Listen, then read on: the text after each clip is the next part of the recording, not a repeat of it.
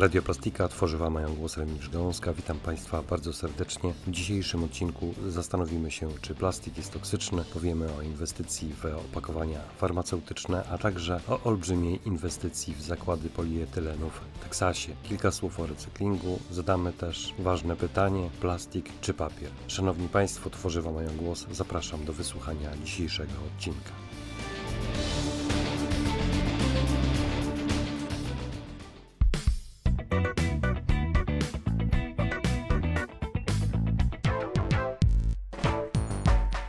To już siódmy odcinek audycji Tydzień Plastiku, gdzie omawiamy najważniejsze branżowe wydarzenia w minionym tygodniu.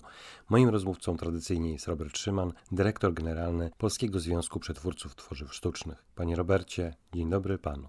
Dzień dobry panie redaktorze, dzień dobry państwu. Grupa kanadyjskich firm z branży tworzyw sztucznych, w tym Koalicja na rzecz odpowiedzialnego używania plastiku, pozwała do sądu rząd federalny Kanady za określenie produktów z tworzyw sztucznych jako toksycznych. Panie Robercie, co można odpowiedzieć na takie zarzuty wobec plastiku? Mówienie o toksyczności tworzyw sztucznych jest absolutnie nie, niepotwierdzone analizami naukowymi. Jak wiemy, e, e, tych analiz jest e, szereg dostępnych i nigdzie nie wskazuje się na to, że tworzywa sztuczne są toksyczne. Oczywiście niektóre dodatki do, do tworzyw sztucznych, które już e, na przestrzeni e, ostatnich lat zostały wyeliminowane, w pewnym sensie mogły emitować substancje, które oczywiście były w granicy ryzyka, powiedzmy sobie szczerze, bo, bo udział e, kadmu, ołowiu i tak dalej i tych, in, tych innych pierwiastków, które mogą wpływać na ewentualnie na mm, zdrowie e, e, człowieka, one, one były w bardzo minimalnych ilościach, a z kolei badania wskazują, że zamknięcie ich w matrycy polimerów uniemożliwia jednak emisję dość poważnie. Także to niewątpliwie jest, jest, jest słuszne, aby walczyć z tego rodzaju stwierdzeniami, nawet jeżeli one nie mają później jakiegoś dalszego przełożenia na przepisy, jakkolwiek y, powodują pewne y, negatywne skojarzenia u konsumentów. Alpla Pharma oraz hiszpańska Inden Pharma nawiązały współpracę na rynku farmaceutycznym. Obie firmy zakładają spółkę Joint Venture, która jeszcze w tym roku ma wyprodukować 800 milionów opakowań farmaceutycznych, a w ciągu kolejnych pięciu lat ma tę produkcję potroić. Alpla włącza do współpracy swoje zakłady produkcyjne w Grecji i w naszym polskim Żerardowie. Okazuje się więc, że niezależnie od tego, co sądzi o plastiku rząd w Kanadzie, tworzywa sztuczne stosuje się z powodzeniem w farmacji czy też medycynie. No to jest właśnie ten paradoks, e, e, z którym, z którym musimy walczyć. W końcu e, właśnie tworzywa w opakowaniach do leków czy opakowaniach do urządzeń medycznych doskonale się sprawdzają. W całym oprzyrządowaniu dotyczącym szpitali na przykład no, byłoby tragedią w tej chwili wprowadzenie na przykład zakazu używania tworzyw sztucznych w placówkach medycznych one są wszędzie dostępne i nie dlatego, że są szkodliwe, tylko dlatego, że są właśnie, mają ten charakter jednorazowości przede wszystkim. Tak jak jednorazowe strzykawki, jednorazowe e, e, płyny, e, cała instalacja do dializ i tak dalej, gdzie zachodzi duże ryzyko jednak zakażenia czy przenoszenia bakterii. Tam właśnie tworzywa, ze względu na to, że są w miarę tanie, w związku z tym nie obciążają bardzo poważnie służby zdrowia, a ich antyseptyczność i jednak jednorazowość wpływa na to, że możemy y, używać tych tworzyw do jednego pacjenta tylko i wyłącznie i następnie je w sposób oczywiście kontrolowany utylizować. Opakowania medyczne to jest naprawdę bardzo specyficzny sektor, który jest bardzo ściśle kontrolowany i obłożony szeregiem wymagań e, związanych z bezpieczeństwem przede wszystkim pacjentów. I tutaj na pewno opakowania stworzyw sztucznych zdały ten egzamin, ponieważ doskonale chronią e, e, zawartość, czyli ten lek, który, który musi być e, no, wyizolowany od warunków zewnętrznych przed użyciem, aby utrzymywał swoje wartości niezmienione do momentu, kiedy się go nie zażyje. Więc no, no tutaj E, tego rodzaju informacje dotyczące toksyczności tworzyw, a jednocześnie bardzo powszechnego użycia w lekach, no, są kompletnie sprzeczne.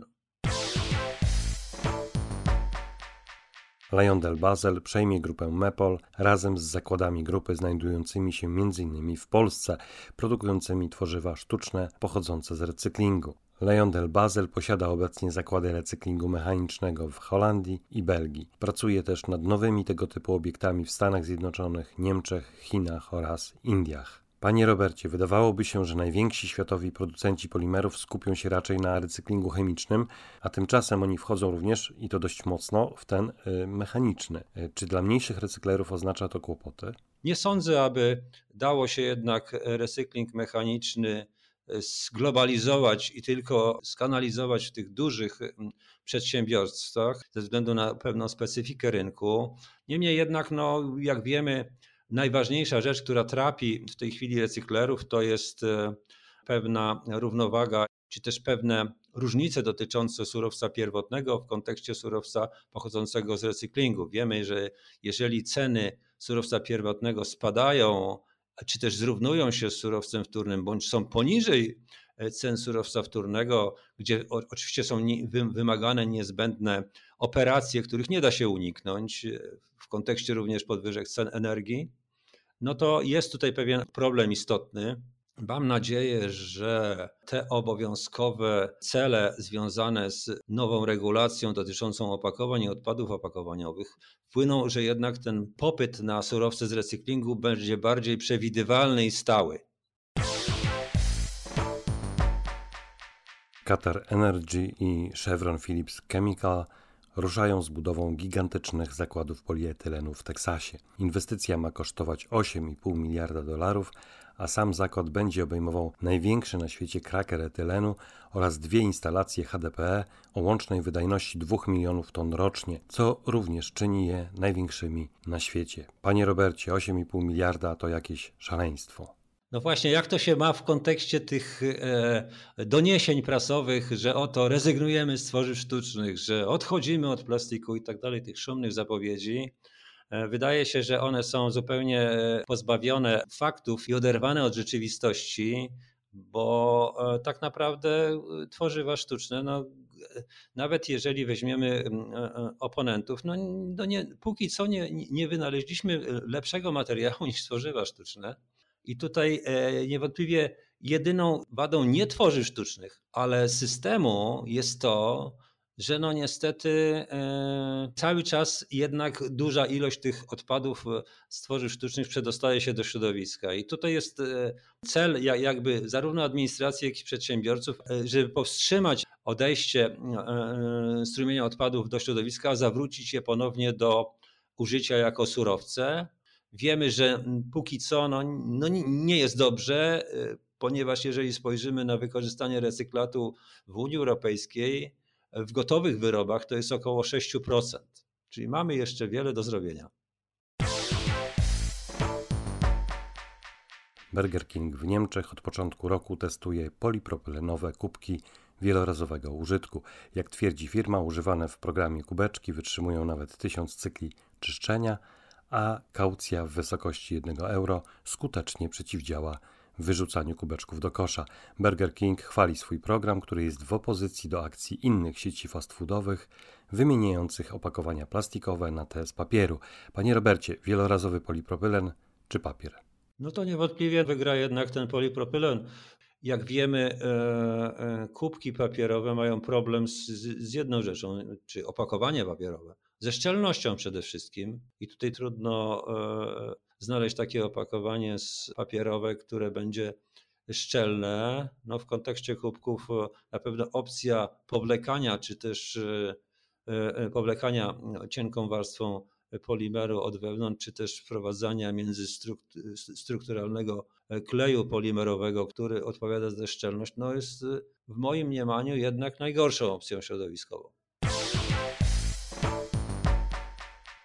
To już wszystko, co przygotowaliśmy w dzisiejszej audycji. Zapraszam za tydzień. Przypomnę jeszcze, że można nas słuchać na Spotify, w podcastach Google oraz Apple, a także na stronie radioplastika.pl. Tam zresztą znajdziecie Państwo linki do naszych audycji na różnych platformach. Jeszcze raz pozdrawiam, życzę udanego tygodnia. Remigiusz Gałązka, Radioplastika, Tworzywa mają głos.